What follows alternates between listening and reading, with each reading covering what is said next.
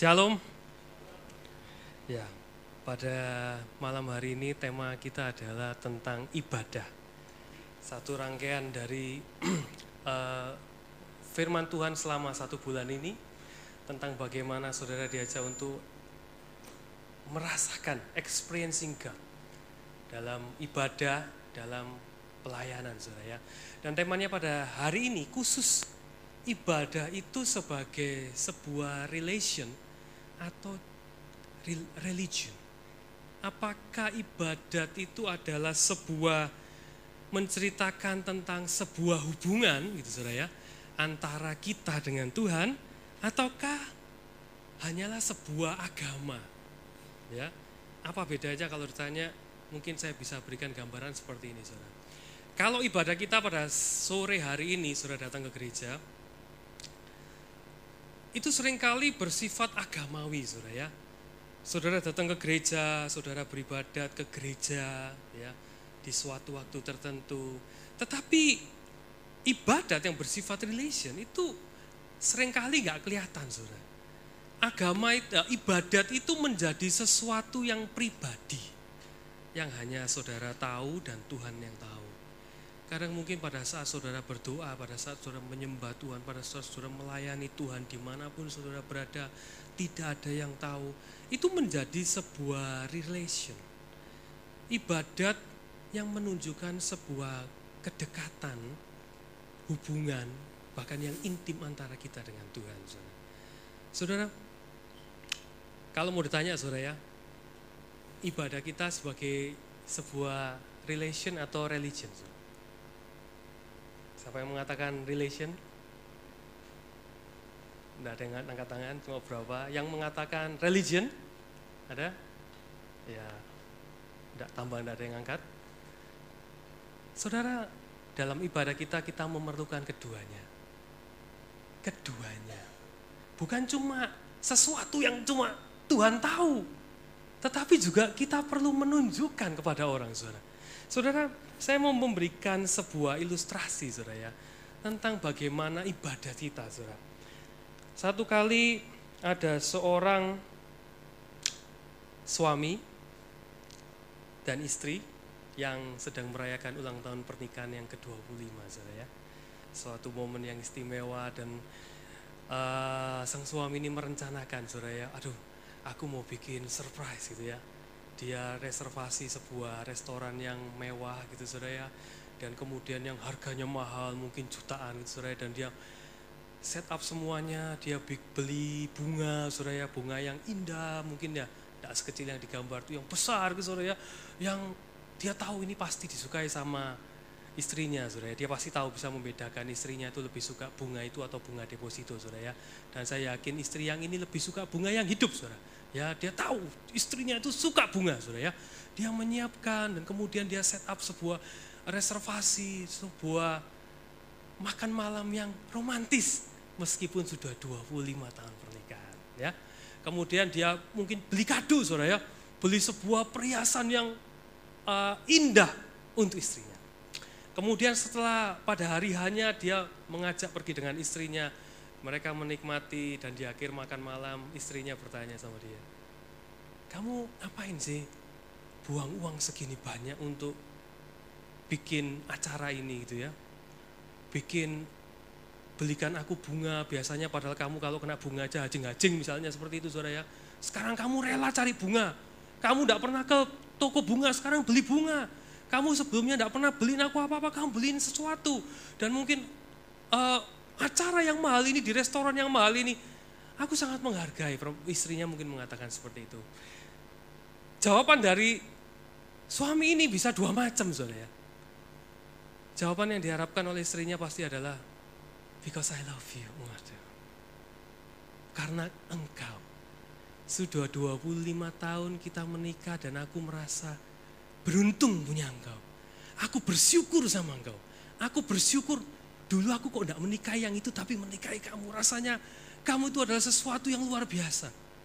Dan itu mau aku ungkapkan dengan acara makan malam ini. Aku mau menghargai kamu, menghormati kamu, pribadimu dengan sebuah acara, dengan sebuah hadiah yang layak untuk kamu. Tapi ada jawaban yang kedua yang bisa terjadi, saudara. Ya. Loh, kenapa kamu kok bikin acara seperti ini? Ya, kita udah 25 tahun masa yang sana ngerayakan, sana ngerayakan, kita cuma makan di rumah. Malu dong. Sudah kewajibanku untuk merayakan ini. Kewajibanku untuk bikin acara ini dan kemudian beli bunga dan beli perhiasan untuk kamu. Kewajibanku nih, wajib aku. Aku ini suami yang baik, tidak pernah melalaikan tanggung jawabku. Kira-kira saudara sebagai istri, kira-kira senang jawaban yang pertama atau yang kedua saudara? Yang pertama atau yang kedua saudara? Yang pertama itu adalah jawaban seseorang seorang suami yang menanggapi kepuasan dirinya terhadap pribadi istrinya. Dia betul-betul mencintai, dia betul-betul bersuka cita, bersyukur. Oh, aku itu bersyukur punya istri seperti engkau. Tetapi yang kedua, tidak salah saudara. Ya, mungkin dia lihat kanan kirinya, apalagi sekarang zaman Instagram saudara. Wah, 20 tahun aja pesta gede-gede ya. Yang ini baru 15 tahun pernikahan aja pesta gede-gedean. Aku 25 tahun harus lebih mewah. Wah dia bikin acara seperti ini. Menjadi sebuah kewajiban. Saudara, mungkin itu tidak pernah menjadi sesuatu yang salah. Tetapi di dalam hati istrinya, istrinya akan bisa menilai. Mana yang akan memuaskan dirinya. Saudara, itulah gambarannya kira-kira saudara. Jawaban pertama itu mencerminkan ibadah sebagai suatu wujud dari sebuah relation. Wujud dari sebuah hubungan antara kita dengan Tuhan. Kenapa kamu datang ke gereja? Because I love my Jesus. Karena aku begitu bersyukur sama Tuhan. Aku datang di sini. Aku memuji, aku menikmati hadirat Tuhan. Oh, aku tuh bersyukur. Tetapi yang kedua, ya, aku orang Kristen. Wajib, aku wajib melakukannya. Mungkin dia mengatakan, ya sebagai seorang Kristen, seorang yang beragama, aku wajib melakukan segala perintah Allah dan menjauhi larangan-larangannya. Mungkin seperti itu saudara. Hanya itu yang mendasari orang itu untuk beribadah. Saudara, kira-kira mana yang bisa menyukakan hati Tuhan? Saudara? Mana yang berkenan di hadapan Tuhan? Saudara, kita perlu mempelajari ini. Tetapi ibadat sebagai bagian dari sebuah religion itu tetap tidak boleh ditinggalkan, saudara. Contohnya seperti ini, saudara. Kalau cerita saya ini, saudara, suaminya uh, ulang tahun pernikahan gitu, saudara ya. Ya, mungkin pagi-pagi dia bangun duluan, ya. Terus dicium istrinya, dikatakan I love you, happy anniversary yang ke-25. Sudah. Gitu aja. I love you. Pokoknya I love you. Mungkin dikasih ciuman yang paling top selama pernikahan mungkin saudara ya. Paling lama tiga jam gitu mungkin saudara ya. Apakah itu cukup saudara? Kita sebagai seorang istri pada saat suaminya dengan bersusah payah melakukan setup sebuah acara, kemudian dia membelikan sesuatu yang menjadi kesukaannya, memikirkan apa yang menjadi kesukaannya, itu melengkapi apa yang menjadi kecintaan dari suami. Jawaban yang pertama itu dilengkapi dengan acara yang dibuat. Saudara kita tidak boleh menjadi orang Kristen yang kemudian, oh kita ini orang beriman, kita orang Kristen, kita orang wasiat baru, kita nggak perlu ke gereja. Yang penting aku dan Tuhan, hubunganku dengan Tuhan. Tidak perlu orang lain tahu aku Kristen, tidak perlu orang lain tahu aku itu beribadah ke gereja, tidak perlu. Yang penting aku dengan Tuhan. Betul saudara? Salah saudara. Kita perlu kedua-duanya. Saudara, jadi jangan pernah meninggalkan ibadat. Kita mau melihat saudara di dalam firman Tuhan itu ternyata sudah disiapkan sebuah konsep bagaimana seharusnya manusia itu beribadat kepada Tuhan. Saudara. Kita mau melihat kalau saudara baca di dalam Alkitab, saudara buka punya eh, Alkitab elektronik, saudara lihat di terjemahan baru, saudara cari kata ibadah pertama kali, saudara. Munculnya kapan? Munculnya adalah di dalam keluaran 3 ayat yang ke-12 ini. So. Di situ cerita pada waktu itu Musa berjumpa dengan Tuhan dan Tuhan menyuruh Musa untuk membawa bangsa Israel keluar. Dari Mesir. Untuk apa saudara dikatakan? Untuk beribadah kepada Allah di gunung ini. Beribadah. Ini pertama kali digunakan saudara. Dan kalau kita mau melihat di zaman-zaman sebelum ayat ini muncul, saudara tidak akan pernah menjumpai ada orang beriman yang beribadat seperti saudara sekarang. Tidak ada saudara. Datang ke suatu tempat, datang ke gereja, nggak ada saudara. Abraham, Abraham cuma bikin mesbah. Dia cuma bikin mesbah. Mungkin yang tahu cuma keluarganya. Mungkin yang tahu cuma segelintir orang, saudara kalau dia sedang beribadah sama Tuhan.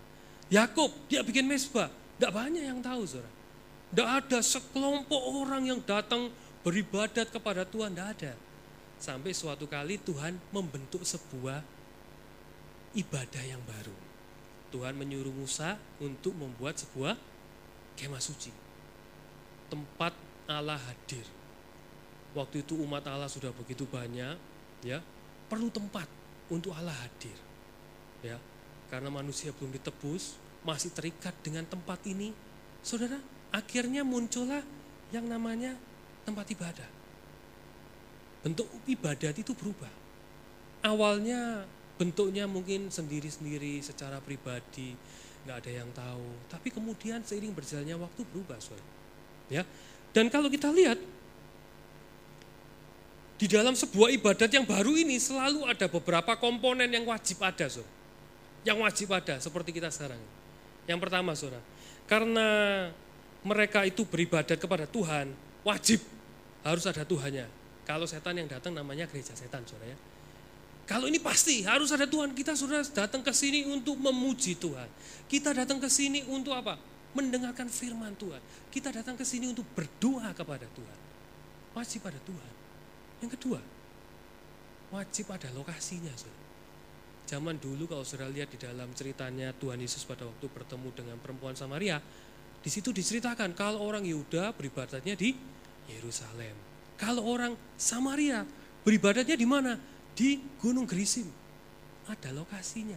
Jangan salah alamat. Jangan salah tempat. Lokasinya tertentu. Waktunya tertentu, Saudara. Ada hari raya-hari raya, ada eh, hari-hari uh, ibadah mereka, ya ditentukan kapan mereka harus datang ke rumah ibadat bahkan dari seluruh tanah Yehuda mereka harus berjalan menuju ke rumah ibadat di Yerusalem pada waktu-waktu tertentu. Demikian juga dengan saudara. Saudara kalau melenceng sedikit aja tempatnya dari sini ke WTC, saudara beli handphone namanya saudara. Kalau saudara melenceng sedikit aja ke Delta, saudara tidak beribadah. Betul saudara? Tapi kalau saudara datang di sini, tapi jam 12 siang, saudara juga bukan beribadah karena tidak ada kebaktian. Saudara. Jadi terikat ada lokasi, ada waktu, dan kemudian, kemudian komponen selanjutnya adalah harus ada imam. Saudara tadi masuk ada asirnya, ada WL-nya, ada yang menyampaikan firman Tuhan. Saudara ada yang menjadi perantara antara Tuhan dengan jemaat. Imam ini juga pada masa lalu itu juga uh, mempersembahkan korban perantara antara manusia dengan Tuhan dan juga mereka membacakan kitab suci ya supaya umat Tuhan bisa mendengar apa yang dimaui sama Tuhan. Kemudian yang terakhir harus ada jemaatnya Saudara. Kalau saya ngomong di sini sendirian, saya namanya gendeng. Tapi karena ada saudara, akhirnya kita bisa sebut ini adalah sebuah ibadah. Betul saudara? Amin saudara? Ada lokasinya, ada waktunya tertentu, ada saudara, ada yang berbicara di depan, dan yang pasti ada Tuhan di sini. Amin, saudara.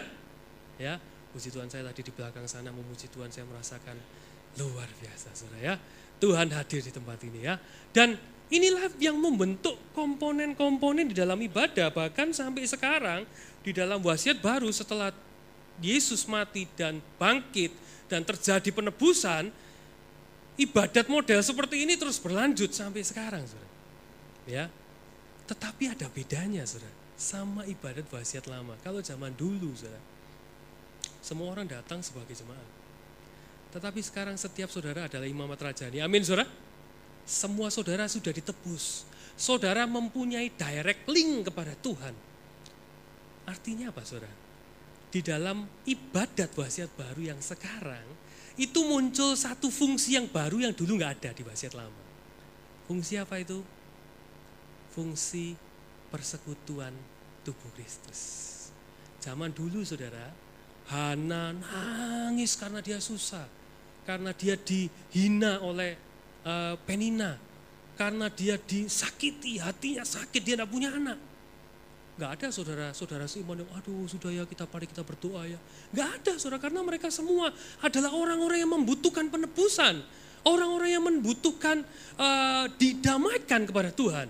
Hanya pada waktu itu Imam Eli datang dan menyampaikan penghiburan, menyampaikan janji Tuhan, firman Tuhan melalui seorang imam.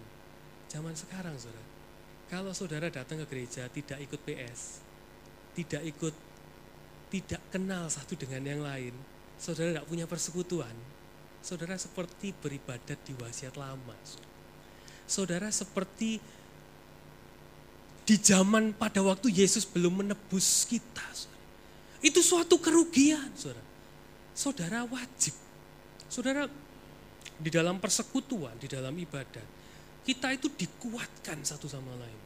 Kalau ada yang lagi lemah, loyo, saudara, saudara datang memuji Tuhan, ada yang memimpin puji-pujian, api itu bisa menular, api itu bisa ditransferkan untuk kembali membakar setiap kita.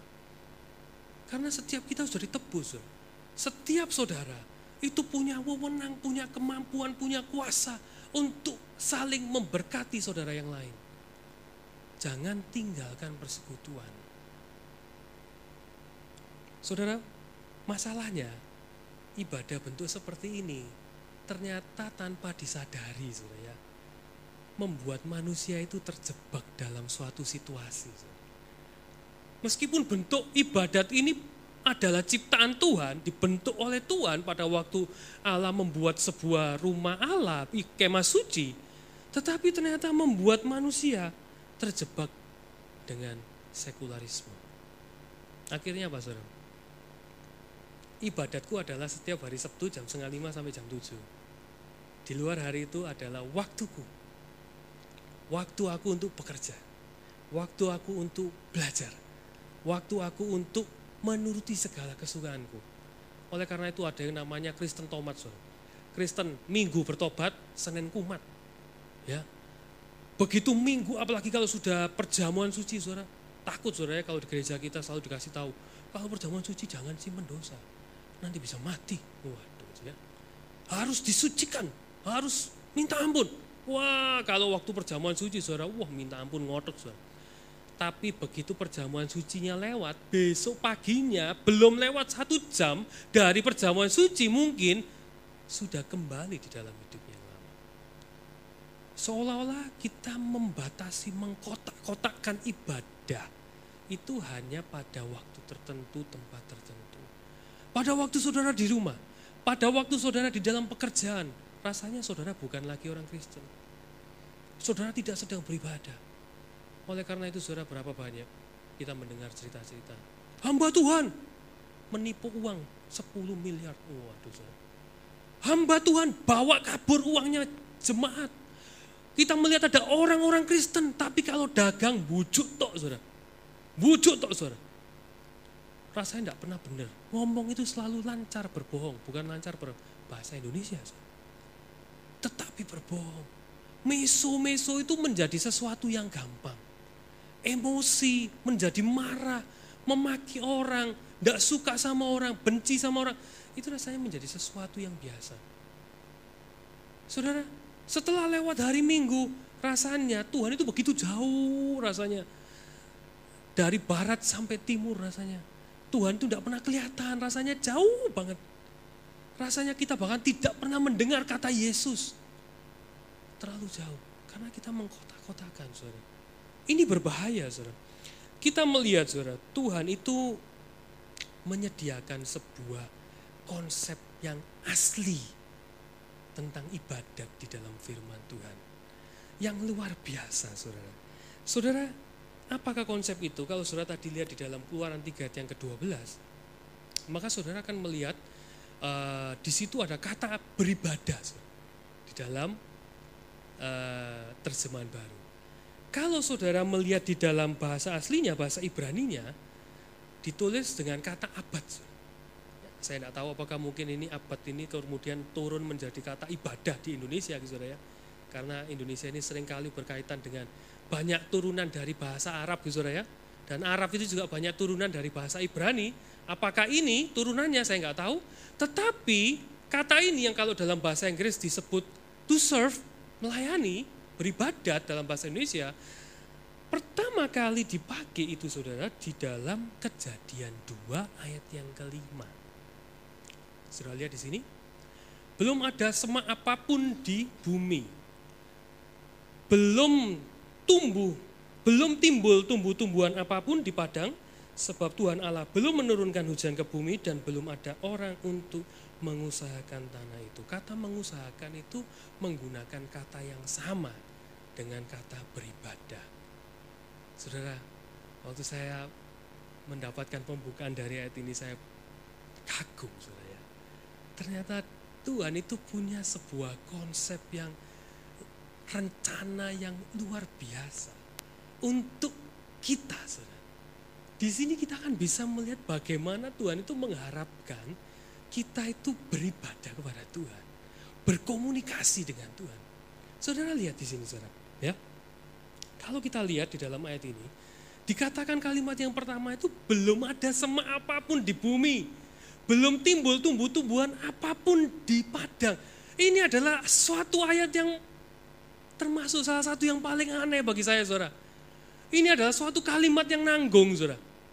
Saudara bayangkan, Tuhan pada waktu itu sudah bisa menciptakan seluruh bumi, bisa menciptakan hewan, bisa menciptakan manusia, tapi rumput gak bisa bikin, saudara.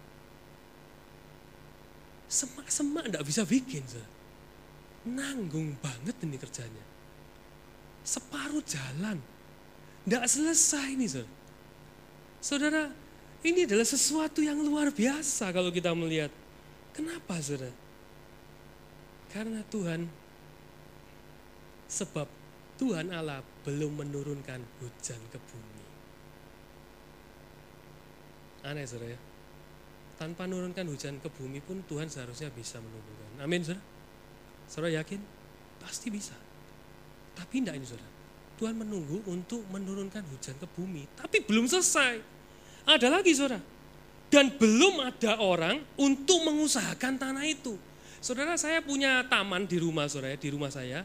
Saya itu baru bongkar sebelumnya tanah eh, taman saya itu itu saudara tahu relief saudara ya, batu-batuan relief. Saya bongkar semua reliefnya, kemudian saya ganti kembali pakai rumput biar hijau gitu ya. Nah, saya suka yang hijau-hijau, jadi bukan duit saudara tapi hijau rumput saudara ya. Nah, hijau-hijau ini saya beli saudara dari tukang rumput.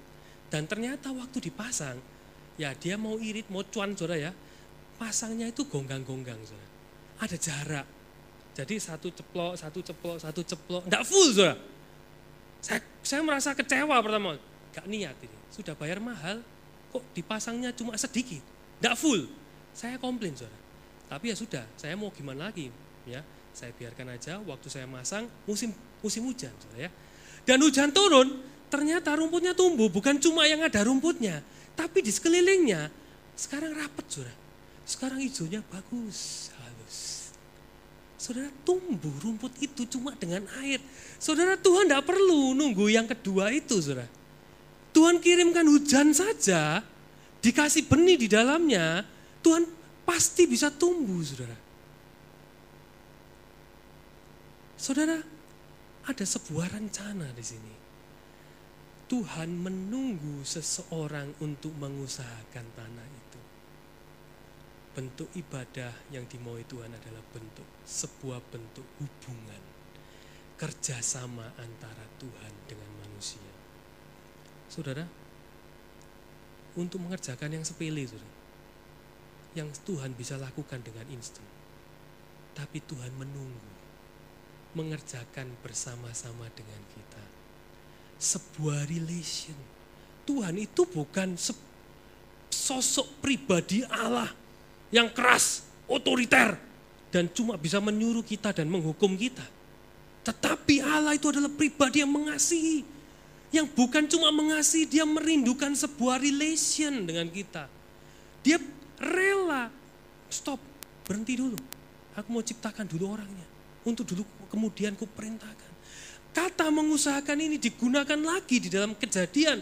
Pada waktu Adam ditaruh di Taman Eden dan dikatakan Tuhan menyuruh Adam untuk mengusahakan. Dan dalam bahasa Inggrisnya dikatakan, digunakan kata to dress. Untuk mempercantik taman yang sudah dibuat oleh Tuhan. Saudara ini suatu yang luar biasa. Tuhan itu mengharapkan kita bekerja sama dengan Tuhan. Mempunyai sebuah relation Saudara pada waktu Adam jatuh di dalam dosa, waktu itu Tuhan berjalan dan terdengar langkahnya. Belum kelihatan sosoknya siapa siapa yang lewat. Adam tahu itu adalah langkah kaki Tuhan. Ada sebuah relation yang dijalin antara Adam dengan Tuhan, antara manusia dengan Tuhan. Saudara, ini sesuatu yang luar biasa. Bahkan kalau saudara, ini agak melenceng sedikit saudara ya. Kalau saudara lihat di dalam kitab kejadian ini, manusia. Seringkali dikatakan seperti ini. Wah, gara-gara Adam dan Hawa ini kita sekarang manusia harus bekerja keras cari uang.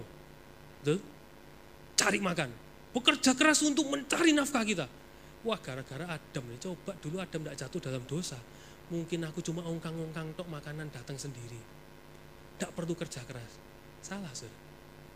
Manusia dari awal diciptakan untuk bekerja tetapi bukan bekerja mencari makannya, tetapi bekerja untuk melakukan kehendak Tuhan. Makanya disediakan sama Tuhan. Baru kalau sudah perhatikan pada waktu manusia jatuh dalam dosa, diusir dari Taman Eden, baru Tuhan bilang, dari tanah ini kamu harus berpeluh untuk mencari makananmu. Baru setelah jatuh dalam dosa. Sebelumnya, saudara, kita sebagai orang beriman yang sudah dipulihkan, mungkin kita bekerja, mungkin kita sekolah, kita punya aktivitas sekuler seolah-olah. Tetapi semua itu bukan untuk kepentingan kita. Semua itu untuk melakukan kehendak Tuhan di bumi melalui kita. Bukan untuk kepentingan kita, bukan untuk kita cari makan, bukan untuk cari kita cari nafkah, tetapi untuk kita melakukan kehendak Tuhan. Saudara, Inilah bentuk konsep awal dari sebuah ibadah, yaitu sebuah relation. Ini saudara. Saya beberapa kali menggunakan gambar ini saudara. Kalau menyiapkan PowerPoint, saya sangat suka gambar ini saudara. Saya sangat suka gambar ini. Saudara bisa perhatikan ada seorang laki-laki yang biasa, pakai baju pada umumnya bukan alien saudara ya.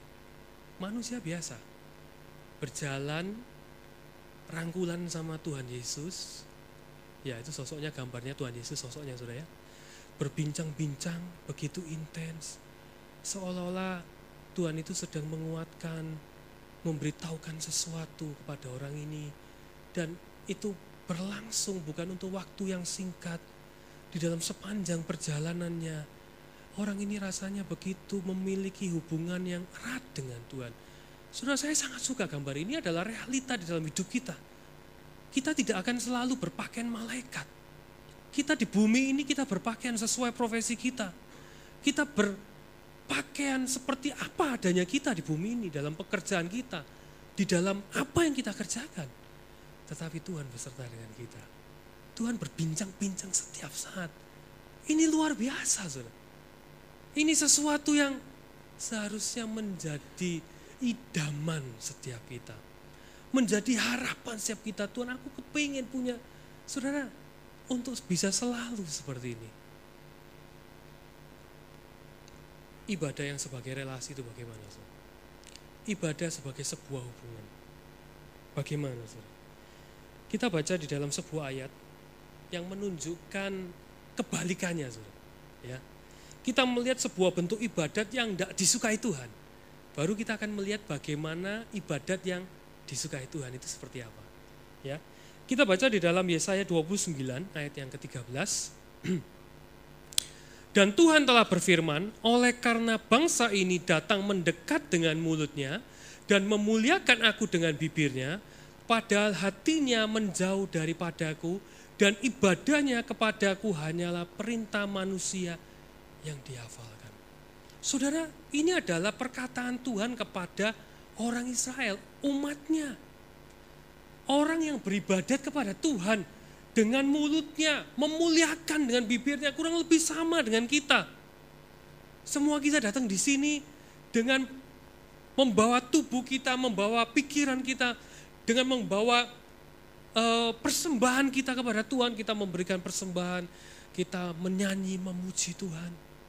Saudara, tetapi ini adalah bentuk ibadat yang tidak diinginkan Tuhan, yang dibenci oleh Tuhan. Yang pertama, saudara, karena hatinya menjauh daripada. Saudara, berapa banyak di antara kita yang datang ke gereja, tapi hatinya tidak mencari Tuhan. Tapi di sini saudara tidak ketemu Tuhan. Rasanya kosong, saudara. Bagaimana saya bisa mengatakan ini? Saya pernah mengalaminya, saudara. Ada masa-masa dalam hidup saya, saya datang ke gereja. Itu cuma sebagai sebuah religion. Sebagai sebuah kewajiban. Saya datang dengan hati yang datang, ngantuk, pulang, tidak dapat apa-apa. Tidak dapat kesegaran. Tidak dapat sesuatu. Rasanya ngapain aku tadi datang ke gereja? Apakah aku cuma absentif? Tidak dapat apa-apa, saudara. Hatinya menjauh daripadaku. Saudara, obat untuk masalah ini cuma satu, saudara. Kalau saudara ada di tempat ini yang datang, saudara merasa kosong, aduh aku datang gereja ini percuma. Sia-sia. Rasanya aku tidak dapat kesegaran. Hampa. Aku cuma butuh absentit. Bila perlu kalau sudah absentit aku pulang. Aku ke Delta. Aku ke tempat yang lain yang lebih menyenangkan. Tempat ini membuat aku rugi. Saudara obatnya satu saudara. Kita lihat di dalam Markus 12 ayat yang ke-30. Dasar dari sebuah relation, hubungan di dalam ibadah, itu adalah kasih. Kasihlah Tuhan Alamu dengan segenap hatimu dan dengan segenap jiwamu, dengan segenap akal budimu, dan dengan segenap kekuatanmu. Dengan segenap, dengan seluruh. Saudara, ini adalah sebuah kunci bagaimana saudara bisa masuk dalam hadirat Tuhan dan saudara mendapatkan berkat. Kalau saudara bisa mengasihi, Masalahnya saudara, apakah saudara mengasihi Tuhan? Koreksi saudara. Saya pernah melakukan ini saudara ya.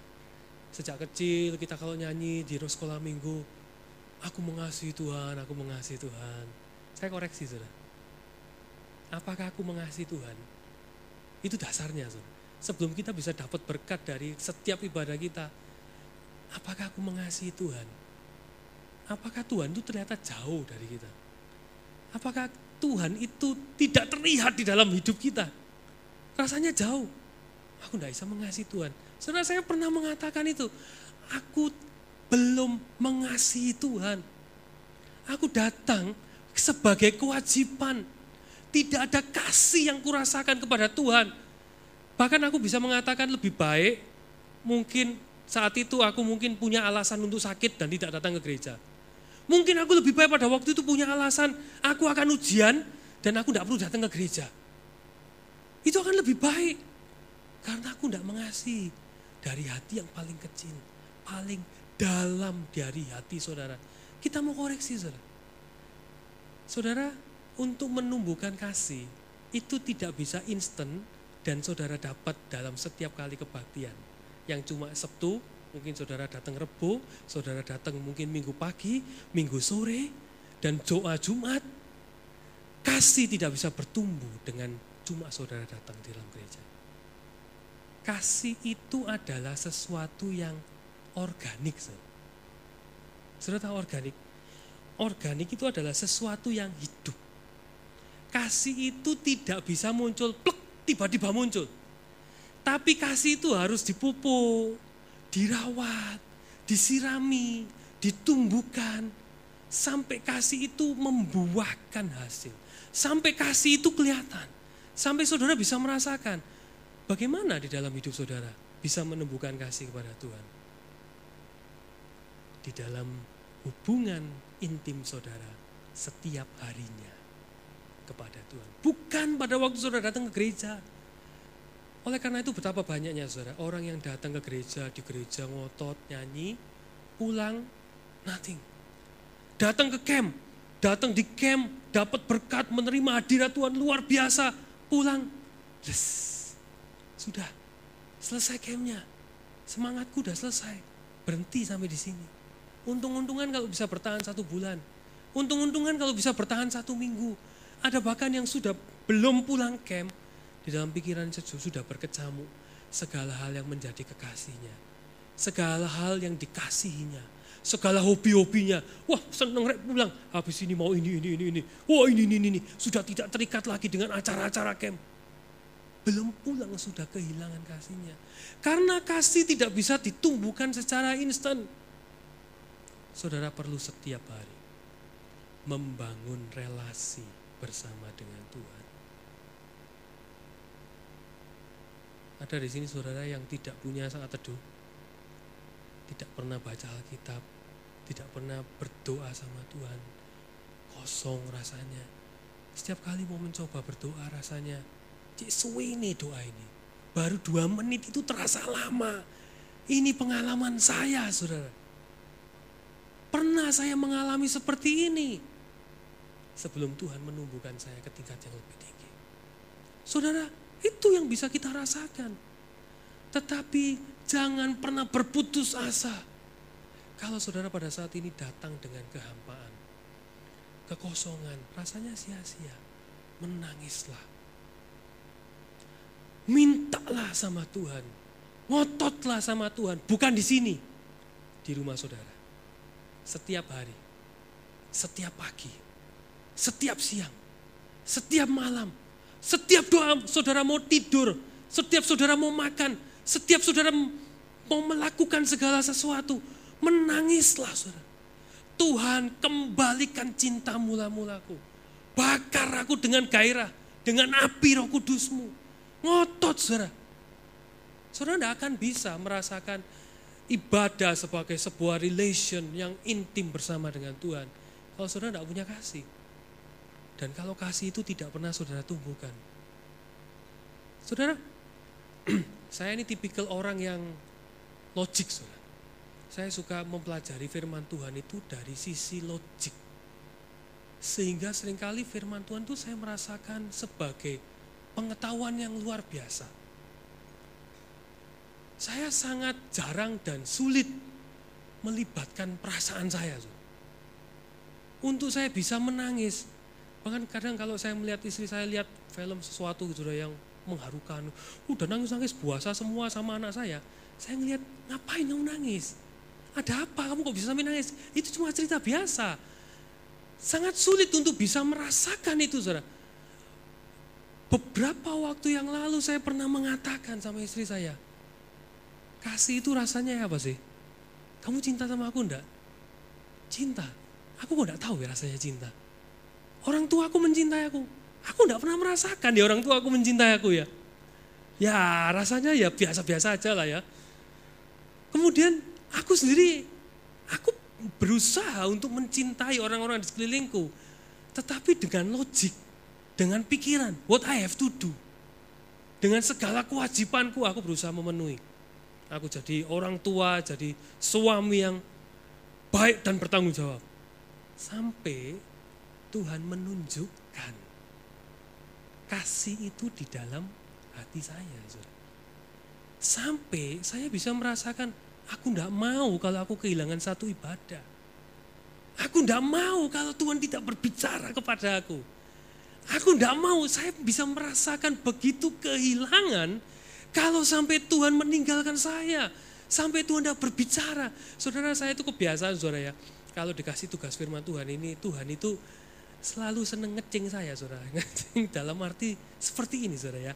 Saya itu selalu diberi pembukaan itu mepet-mepet dengan hari H saudara. Ya, saya itu dibiarkan seperti seolah-olah dibiarkan untuk dredek, Tuhan ini nanti mau ngomong apa, saudara? Termasuk khotbah hari ini, saudara ya. ya, saya baru menemukan lengkap 100% baru tadi siang jam 3 siang, saudara. Puji Tuhan, saudara ya. Tetapi saya bisa merasakan, saudara. Tuhan tidak pernah meninggalkan saya.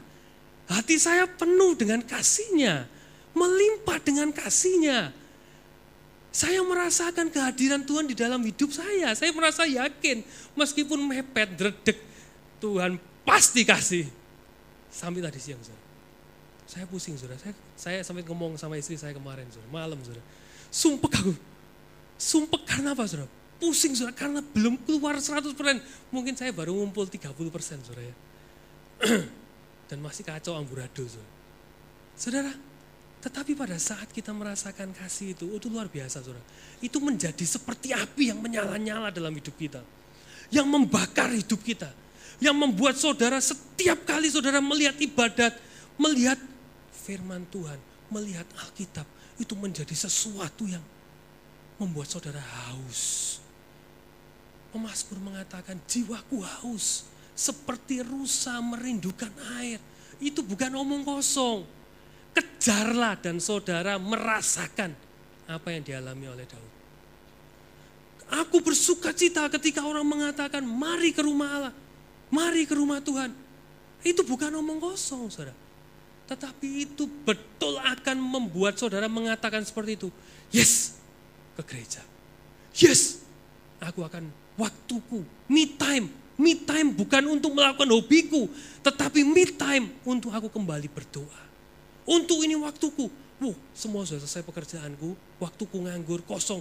Yes, ini mid time untuk aku berdoa, membaca Alkitab, merenungkan firman Tuhan. Itu bukan omong kosong. Itu bukan sesuatu yang mustahil, saudara. Saya berapa minggu yang lalu saya berbincang-bincang dengan Bapak Gembala kita. Saya menanyakan, saudara ya. Bagaimana Bapak Gembala kita itu bisa begitu mencintai firman Tuhan ngotot belajar firman Tuhan sampai sekarang. Bagaimana Om? Apakah Om itu tidak punya hobi gitu ya? Om itu kan saya tahu suka mekanik saudara ya. Suka hal-hal yang mekanik dan sesuatu yang science itu saudara ya. Apakah Om tidak suka mungkin mobil atau mungkin jam tangan atau sesuatu yang menarik saudara? Punya. Om ini hobinya belajar. Wah luar biasa saudara ya. Hobinya aja belajar saudara ya Om ini punya buku-buku ilmiah sekuler. Punya om ini kepingin belajar satu-satu. Tak baca, waduh. Ya bukan level saya sudah ya. Dan tapi apa yang om lakukan? Sejak mudanya membatasi. Bahkan dibuang.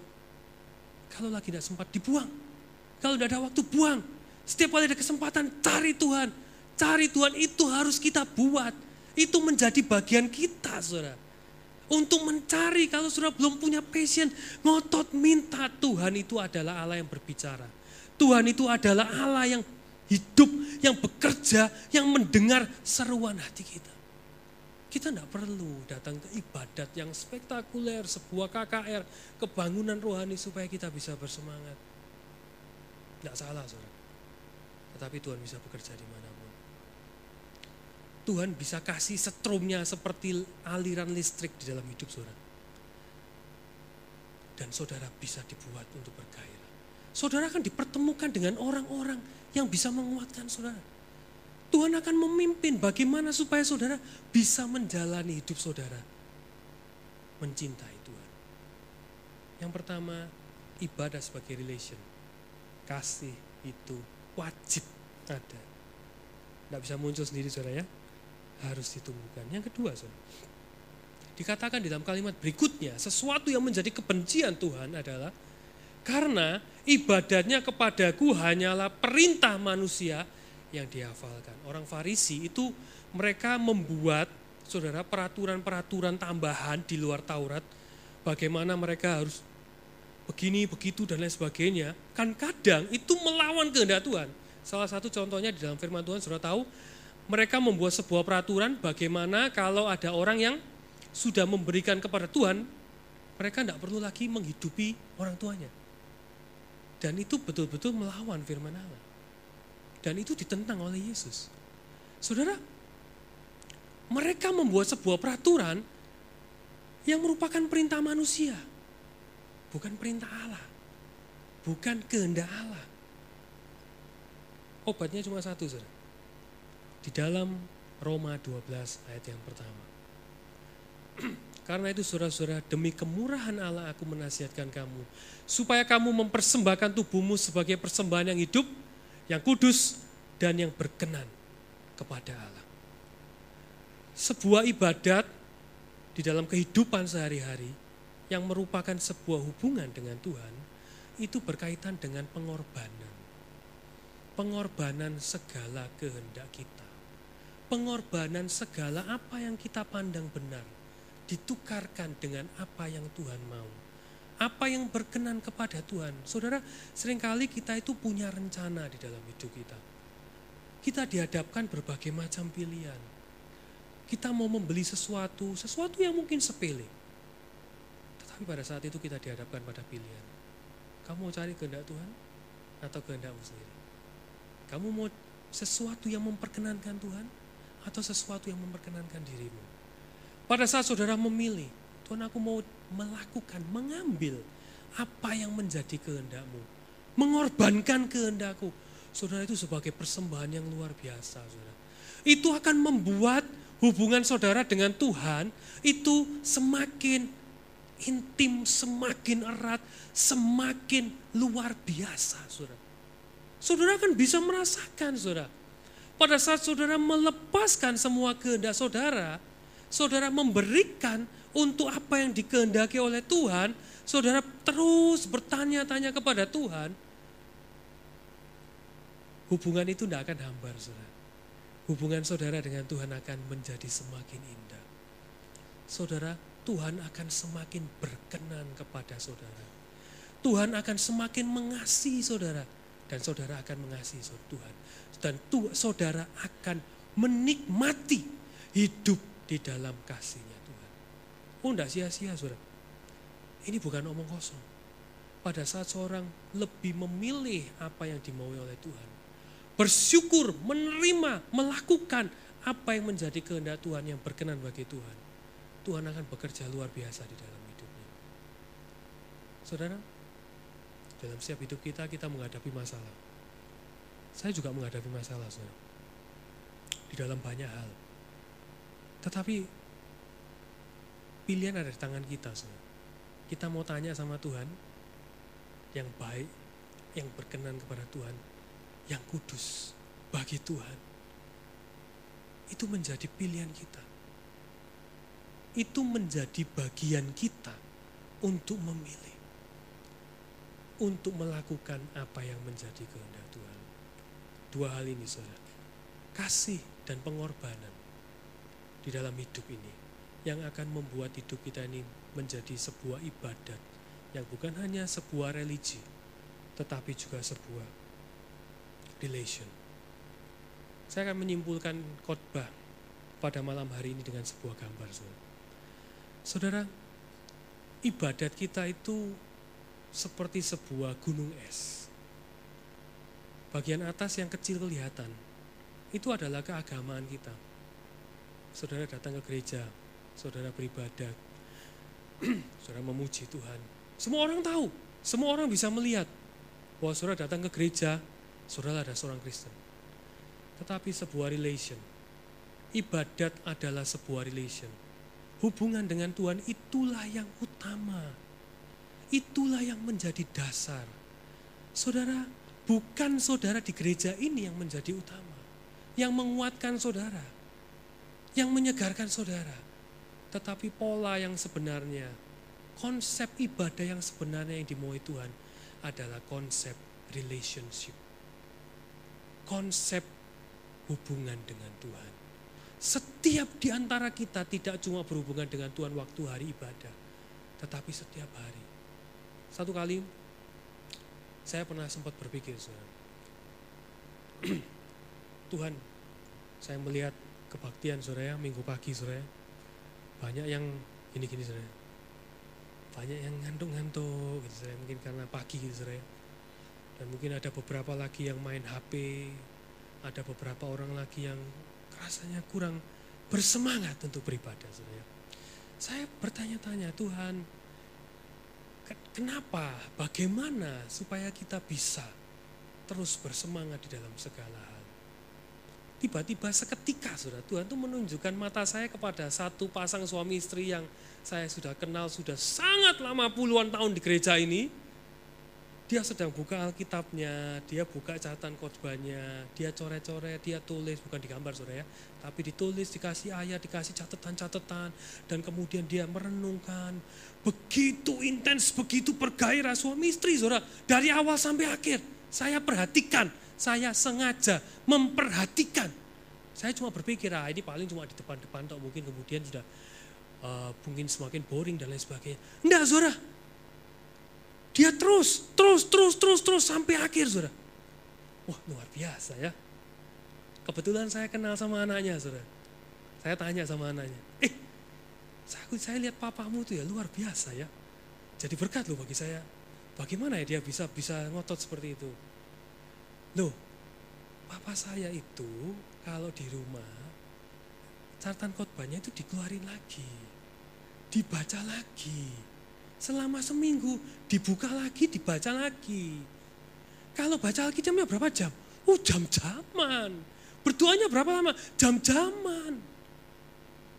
Saudara dia membangun relation selama 24 jam, 7 hari seminggu, 365 hari setahun. Bersama dengan Tuhan. Setiap hari, setiap saat ibadatnya hanya sebagai gunung es yang kelihatan bagi orang lain. Tetapi sesuatu yang besar di dalamnya. Yang menjadi pondasi ibadah kita. Itu adalah relation. Bukan pada saat saudara datang ke tempat ini. Saya ingatkan sekali lagi, saudara. Saudara yang tidak punya saat teduh. Tidak punya baca, tidak pernah baca Alkitab di rumah. Saudara mungkin rajin zaman sekarang, saudara ya. saudara bisa streaming YouTube sudah bisa tahu, bahkan ada aplikasi-aplikasi yang bisa menunjukkan khotbah-khotbah pendeta-pendeta di seluruh Indonesia. Saudara bisa dengan rajin mendengarkan khotbah-khotbah itu. Tetapi rema yang sejati itu tidak didapat dari khotbah yang kita dengarkan. Tetapi pada saat kita mendapatkan sendiri dengan tangan kita. Pada saat kita baca Alkitab, kita dibukakan. Itu sukacitanya itu seperti di dalam mati sebuah perumpamaan seorang yang menggali tanah dan menjumpai harta yang begitu mulia, dia bisa rela menjual semua hartanya untuk membeli tanah itu dan mendapatkan harta itu. Kristus menjadi kemuliaan yang indah pada waktu kita membaca firman Tuhan, kita menggali. Saudara, saya ingatkan saudara, punyalah hubungan yang erat dengan Tuhan. Saya undang pemain musik untuk maju ke depan, juga song leader untuk membantu saya bernyanyi. Saya ingatkan saudara, zaman sekarang kita tidak tambah santai. Saya mengamini saudara, dengan bertambahnya umur, saudara ada yang mulai bekerja, pekerjaan saudara mulai rame, pekerjaan saya, saudara mulai menyita waktu saudara. Semua orang bisa mengalaminya. Tetapi keputusan untuk mencari, menjalin sebuah hubungan dengan Tuhan, itu adalah keputusan kita. You.